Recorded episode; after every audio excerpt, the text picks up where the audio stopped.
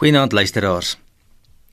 Ek wil graag met jou praat oor moenie die vrugte aan die takke ignoreer nie.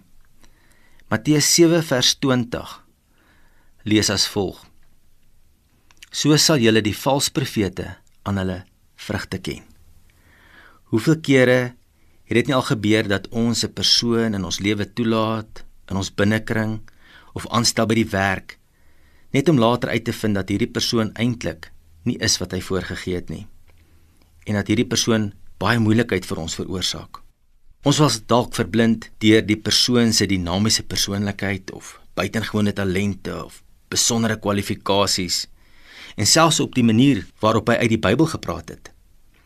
Maar ons vergeet om na die belangrikste saak te kyk, naamlik die persoon se karakter. Die Bybel noem dit vrug. En hoe maklik word ons verblind deur persoonlikheid, voorkoms of talent En dan kyk ons die morele karakter van die persoon mis, die gesindheid waarmee hy die lewe benader.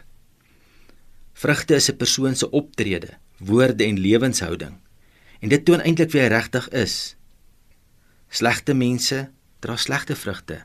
Goeie mense dra goeie vrugte. Dit wys dat die boom gesond is. Om onsself baie pyn, verleentheid en skade te spaar, moet ons maar vrugte-inspekteurs wees. Laat dit eerder ons keuses bepaal oor wie ons aanstel en in ons lewe toelaat.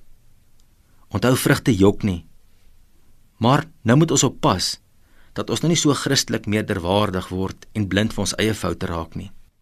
Matteus 7 vers 4 sê: "Of hoe kan jy vir jou broer sê: Wag, laat ek die splinter uit jou oog uithaal en intussen is daar 'n balk in jou eie oog?" Ons moet eintlik meer na onsself kyk, is dit nie so nie? Dis waar ons hoofaandag moet wees. Maar dan moet ons ook let op wie ons in ons lewe toelaat. Dit sal die lewe net vir ons soveel makliker maak.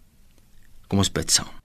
Dankie Here dat U my help om 'n goeie boom te wees wat goeie vrugte dra. In Jesus naam. Amen.